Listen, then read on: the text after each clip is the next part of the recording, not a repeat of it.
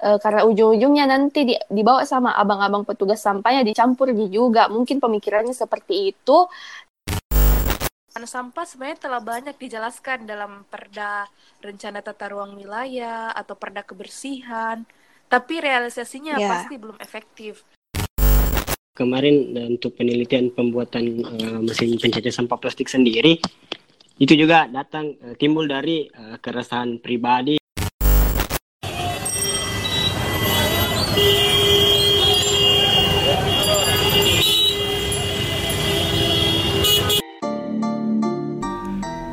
Selamat datang di Kota Talks. Podcast ini persembahan dari Kotata. Kotata. Kotata. Kotata. Kotata. Kotata. Kotata. Kotata.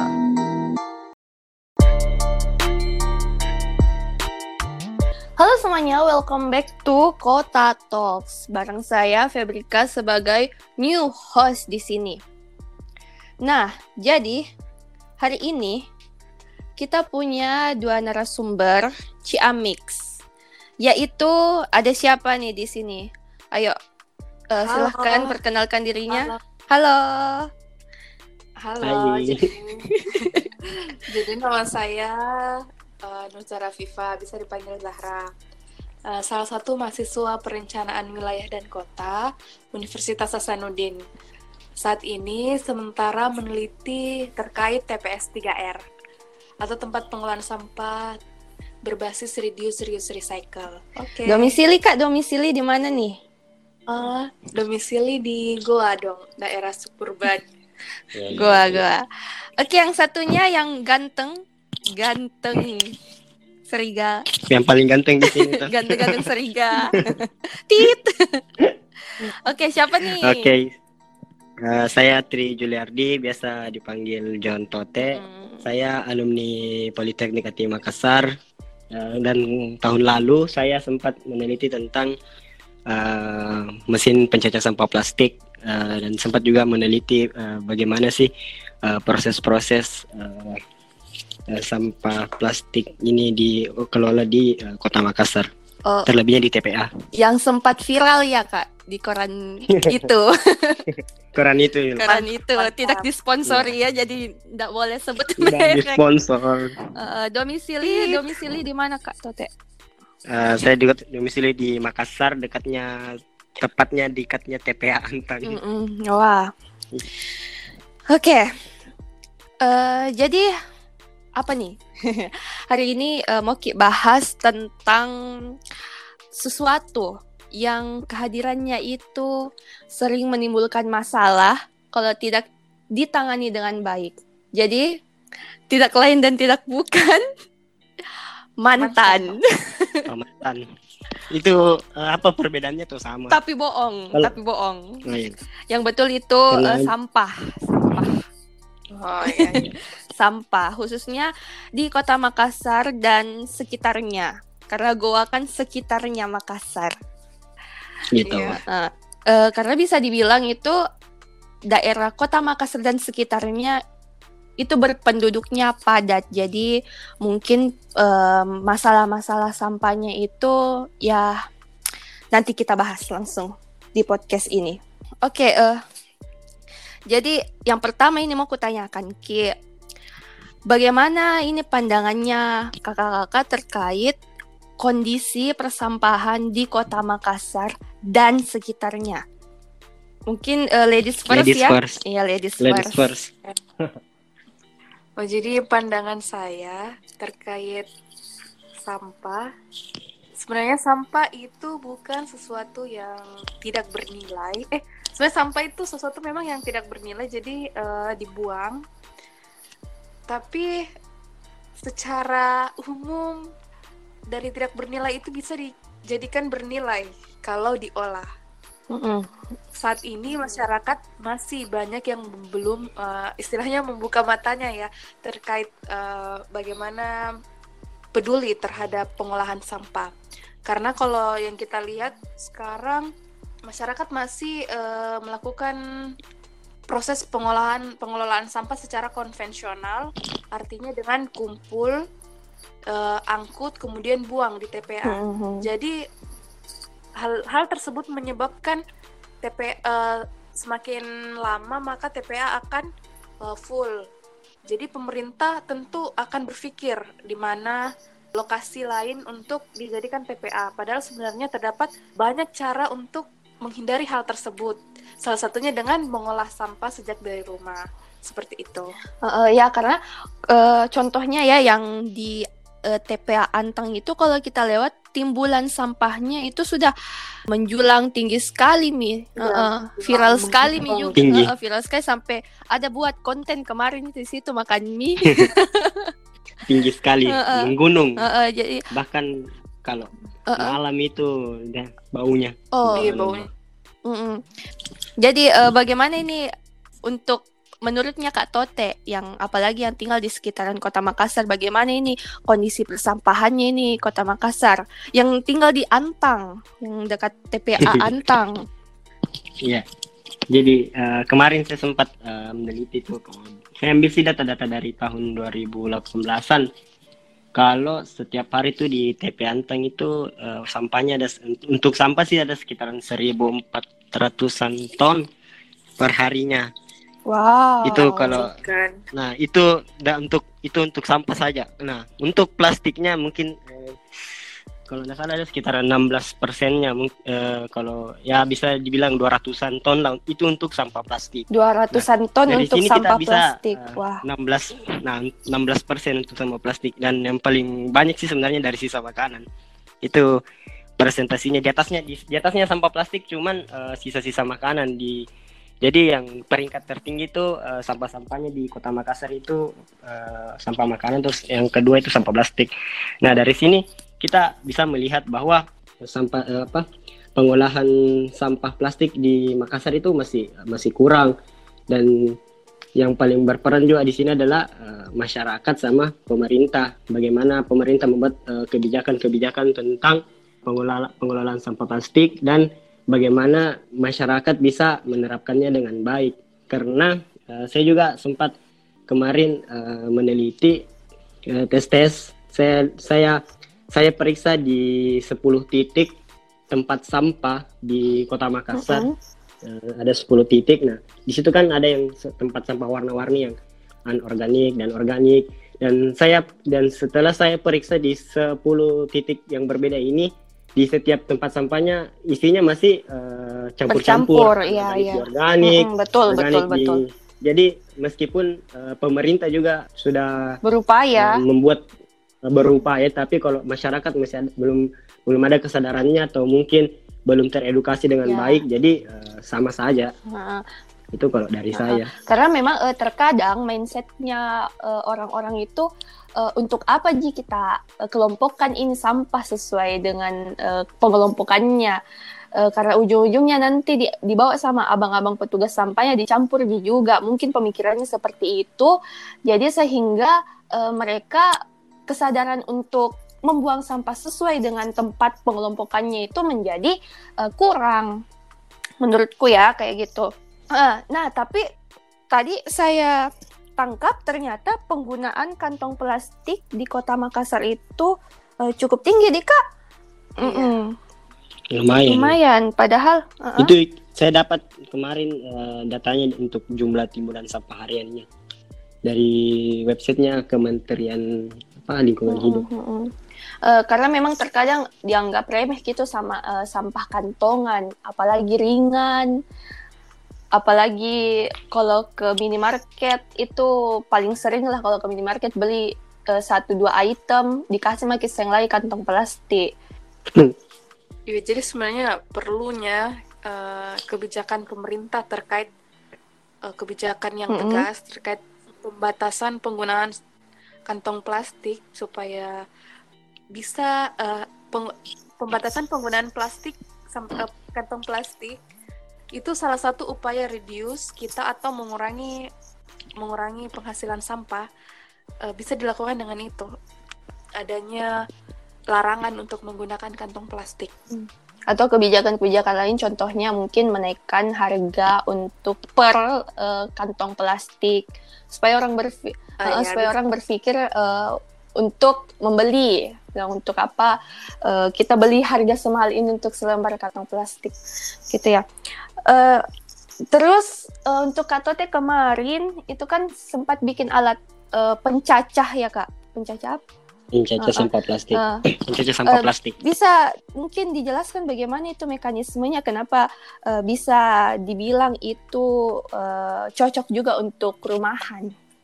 Industri uh, rumahan ya. Jadi uh, kemarin untuk penelitian pembuatan uh, mesin pencacah sampah plastik sendiri itu juga datang uh, timbul dari uh, keresahan pribadi yang di mana tinggal di TPA Antang dan banyak sampah plastik dan tidak tidak terurai, tidak terurus dengan baik. Nah, di situ saya mau menciptakan uh, sebenarnya sudah ada sih alat-alat semacam uh -uh. ini, tapi saya uh, buat lebih sederhana bagaimana untuk membuat alat ini bisa lebih ekonomis, praktis digunakan, terus bagaimana supaya ini bisa di diterapkan di, di diterapkan di setiap RT RW mungkin.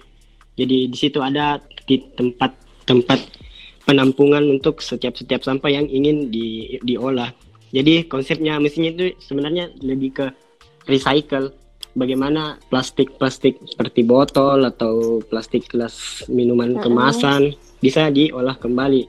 Nah, tentunya uh, hal ini jika diterapkan jika ada di setiap-setiap uh, eh, RT atau RW di dan bisa diolah, pasti uh, kita akan uh, mengurangi mengurangi pendistribusian sampah plastik ke TPA karena sudah diolah di di daerah itu sendiri sudah ada pengolahannya sudah di recycle. Karena hasil dari recyclenya ini atau hasil dari cacahannya ini uh, bisa bisa kembali uh, di didaur ulang ya. atau bisa langsung bisa langsung diolah menjadi setelah dilelehkan atau ada alat alat alat pelelehannya hmm. bisa dicetak dicetak ulang baik itu buat dari pot kah atau bisa bahkan bisa jadi uh, balok yang yang bisa digunakan untuk uh, membuat bangunan bangunan-bangunan kecil.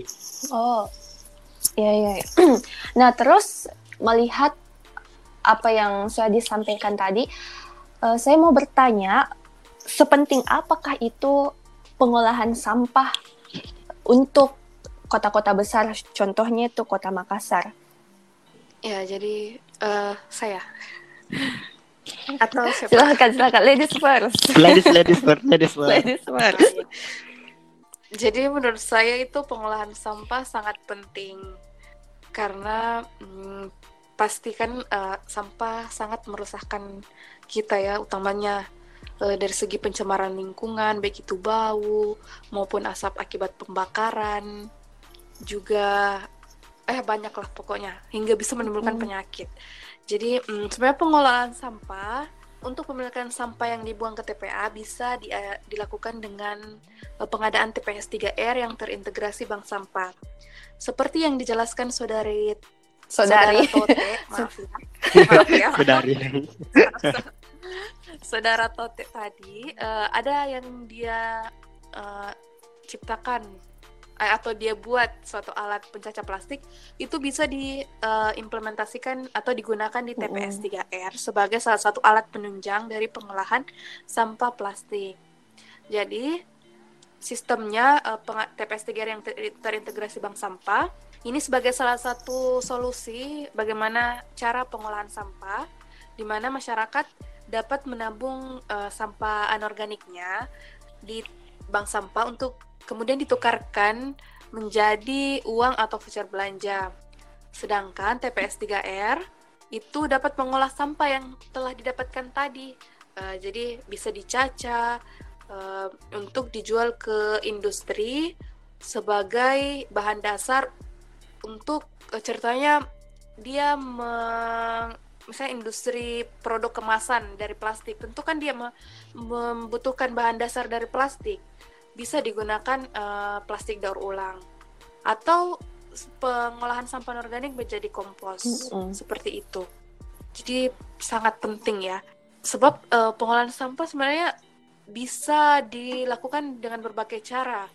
Bisa juga dengan briket yaitu pengolahan sampah organik dan organik untuk menjadi briket, yaitu bahan bakar alternatif, bisa sebagai pengganti batu bara yang kalau diproduksi dalam jumlah banyak bisa digunakan sebagai uh, salah satu sumber energi listrik yang tentunya sangat ramah lingkungan dan ramah di kantong pastinya. Mm. Jadi uh, mindset orang-orang tentang sampah itu tidak ada nilainya menjadi bisa malah uh, banyak manfaatnya untuk uh, masyarakat ya.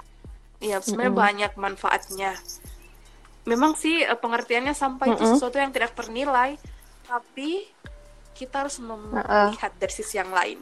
So, kalau melihatkan seseorang jangan ya betul sekali Uh, jadi uh, sekreatifnya kita bagaimana untuk uh, bisa nah. mengolah sesuatu yang mungkin dipandang sebelah mata menjadi sesuatu yang bernilai. Nah, uh, uh, uh, un ya, untuk uh, Kak Tote gimana nih? Uh, bagaimana sih uh, pentingnya pengolahan sampah di Kota Makassar dan mungkin bagaimana sih bagusnya uh, masyarakat atau pemerintah terkait uh, pengolahan sampah itu sendiri? Ya, uh, mungkin nah saya dulu uh, mau bahas sedikit tentang mm. kenapa sih sampah penting sekali untuk diolah. Nah, itu tadi yang saya bilang nah, ketika kalau kalian ki, ketika kita jalan-jalan ke TPA, nah di situ sampahnya sudah uh, menggunung yeah. gitu. Jadi kayak sampai kapan ya, betul, betul, uh, sampai kapan uh, sampah harus ditimbun terus ditimbun terus. Nah, yang seperti informasi juga tadi yang saya bilang ketika ada 1400-an uh, sampah yang uh, sampah kota Makassar sampah ibu kota timbunannya yang dikelola setiap hari. Nah dan kan ada sekitar 16 persen itu sekitar mungkin 200-an dari sampah plastik. Nah yang data yang bisa dikelola yang wow. hanya bisa dikelola per hari itu mungkin sekitaran 30 ton. Uh -uh. nah, nah kalau ini itu berapa persen dari uh, sampah yang kalau yang setiap hari cuma bisa diolah 30 ton? Nah dan jika ini terus berlangsung uh, sampai kapan? Misalnya di di mana lagi tempatnya kalau sudah full di TPA nah dan ini juga bakalan sangat berdampak terhadap uh, ekologi ekosistem. Jadi uh, mulai dari sekarang kita uh, harus uh, mempersiapkan bagaimana caranya -uh. untuk bisa mereduce atau recycle atau uh, reuse. Nah, bagaimana sih uh, perannya? Yang saya bilang uh, juga? Nah, bagaimana harus ada peran penting dari pemerintah yang menegaskan peraturannya tentang uh, pengelola pengelolaan sampah, khususnya sampah plastik dan uh, peran masyarakat dalam uh, mengimplementasikannya. Nah, peran pemerintah itu contohnya kan di di Bali sudah ada peraturan pemerintahnya uh, yang apa yang dibuat oleh Iwayan Koster, Gubernur Bali. Nah, itu tidak ada lagi Kantong tidak plastik. ada lagi peng, penggunaan uh, uh, sampah apa kantongan betul, betul. kantongan plastik kantong plastik di uh, di Bali itu demi melin apa demi melindungi kelestarian alam Bali itu sendiri nah kalau Bali saja bisa kenapa kota-kota yeah. seperti kita juga tidak bisa menerapkannya kalau memang tidak bisa melarang penggunaan kantong plastik uh, peraturannya mungkin bisa diperketat seperti uh, menaikkan harga kantong plastik sehingga orang berpikir ketika pergi ke minimarket uh, dia beli... berpikir dua kali untuk uh, eh, yeah. Beli apa beli kantong plastik lagi. Nah kalau misalnya yang seperti sekarang kan kalau kita ke kantong uh, ke minimarket, yeah. biasa cuman dihargai sekitaran dua murah rupiah dan orang murah, oh beli mie saja nanti besok juga beli mie saja. Tapi nah, coba nah, karena murah sih. Coba kita uh, bercermin ke, kepada negara-negara yang negara-negara maju seperti Eh, Jepang atau Korea yang katanya kalau tidak salah itu hmm. 1500-an per kantong plastik. Pasti orang berpikir harga kantong plastik mahal begitu pasti dia bakalan ambil uh, opsi lain seperti membawa tote bag atau uh, kantongan-kantongan uh, dari uh, rumah gitu. Dan memang kadang orang apa ya saking acuhnya, saking acuhnya sama uh, sama sampah sama sama ya saking acuhnya sama sampah itu terkadang uh, sampai mereka melihat kayak contohnya di pinggir-pinggir jalan itu kan biasa di bahu jalan kan ada kayak tumpukan-tumpukan sampah tuh. Uh, jadi kayak saking acuhnya mereka melihat itu mereka kira itu merupakan tempat sampah jadi mereka buanglah sampahnya di situ uh, dan berserakan berserakan itu juga uh, untuk citra kotanya uh, menjadi uh, mengganggu. mengganggu. Jadi kayak punya apa ya kayak seolah-olah kita membuang sampah pada temannya bukan pada tempatnya. Nah uh, melihat juga uh, itu apa timbulan sampah di TPA Antang kalau memang perlu perlu diolah sampahnya dengan baik. Karena jangan sampai uh, kalau saya pernah baca sesuatu beberapa tahun yang lalu itu memang ada tragedi yang longsor sampah di TPA Lewi Gajah ya kan? Karena ya. memang itu kan sampah dia mengandung kayak semacam gas gas kalau misalnya uh, uh, kalau misalnya ya, tidak biogas. terolah dengan baik jangan sampai uh, gas ini hmm, bisa biogas. memicu uh, ledakan di TPA itu sendiri uh. ledakan kebakaran iya caca caca jadi ya bagaimana meminimalkan belum, belum. sampah yang akan diangkut mm -hmm. ke TPA jadi bisa pengolahannya sejak dari rumah sebenarnya Anu sampah sebenarnya telah banyak dijelaskan dalam perda rencana tata ruang wilayah atau perda kebersihan, tapi realisasinya yeah. pasti belum efektif. Jadi sebenarnya perlu sosialisasi uh, dan sanksi yang tegas. Misalnya, kalau misalnya telah dikeluarkan perda himbauan untuk memilah sampah sejak dari rumah, tapi kalau misalnya tidak diindahkan, bisa dengan misalnya membayar iuran sampah dua kali lipat atau tidak terlayani akses pengangkutan seperti itu. Jadi pemerintah perlu menjadi role, role, role model lah untuk pengolahan sampah. Jadi kalau menurut saya pemerintah bisa memulai pengolahan eh pemilahan sampah itu uh, dari sekolah-sekolah atau dari kantor-kantor pemerintahan sebab uh, biasanya kan uh, kalau misalnya telah diterapkan di sekolah uh, dengan utamanya dengan ditunjang oleh pendidikan sejak dini seperti fisikotata, mm -hmm. pendidikan lingkungan sejak dini uh, kepada adik-adik utamanya yang sekolah dasar, pasti uh, dia tidak susah lagi untuk menerapkannya di rumah. Jadi pendidikan bisa dibangun di bangku sekolah yang kemudian bisa diterapkan di rumah. Gitu. Baik, kayaknya sudah cukup lama mi berjalan podcastnya. Uh, mungkin di uh, dari kakak-kakak ada closing yeah. statement sebelum ditutup. oh ya, jadi kalau menurut saya closing statement. Jadi sampah sebenarnya bukan suatu musuh yang bisa dikesampingkan, tapi sebenarnya dia punya nilai yang bisa dimanfaatkan. Uh, suatu saat kalau misalnya pengolahan sampah telah di berhasil dilakukan, pemerintah juga perlu memberikan apresiasi kepada masyarakat, satuan pendidikan, ataupun per, uh, perusahaan yang telah berhasil, yang telah yang telah berpartisipasi dalam berhasilnya atau suksesnya pengelolaan sampah dengan cara pemberian misalnya penghargaan atau apa karena pasti perlu adanya mm -mm. gift begitulah uh, untuk menumbuhkan lagi eh, semangat antusiasme ya antusiasme. tidak memudah ya antusiasme masyarakat uh, untuk tetap melakukan pengolahan sampah seperti itu. Kalau kalau Kak Tote ada closing statement? Uh, kalau saya sih ada ada. Nah jadi uh, menurut saya uh, pemerintah dan masyarakat harus saling saling bersinergi dalam uh, menangani permasalahan uh, sampah yang sudah uh, bisa dibilang sangat darurat. Uh, di samping itu, ketika pemerintah harus membuat kebijakan-kebijakan uh, yang apa kebijakan yang keras terhadap pengelolaan sampah ini, di samping itu juga masyarakat harus sadar, harus sadar dalam artian uh, bahwa kalau bukan uh, masyarakat sendiri yang melakukan bahkan kebijakan pemerintah yang sebagus apa pun itu kalau masyarakat tanpa ada kesadarannya juga sama bagaimana pemerintah membuat kebijakan sehingga masyarakat juga bisa menerimanya dengan baik dan mengimplementasikannya sehingga sampah-sampah ini bisa dikelola dengan baik. Baik. Nah, itu mungkin uh, dari saya. Oke, baik. Jadi kesimpulan yang bisa ditarik itu bahwa permasalahan sampah di kota-kota besar itu seyogyanya menjadi tanggung jawab bersama ya, bukan hanya pemerintah, tetapi ya, masyarakat juga uh, turut andil untuk menyelesaikan masalah persampahan sehingga lingkungan kita bisa menjadi bersih dan sehat. Kelola sampah, cegah musibah. Oke, uh, kita sudah masuk di penghujung waktu, penghujung waktu. Yeah. Ya. Penghujung Sudah waktu podcastnya ya. untuk pendengar terima kasih telah mendengar podcast ini. Kalau ada kekurangan mohon dimaafkan. kita tutup dengan ucapan wassalamualaikum warahmatullahi wabarakatuh. Sampai jumpa di podcast Kota Talks berikutnya.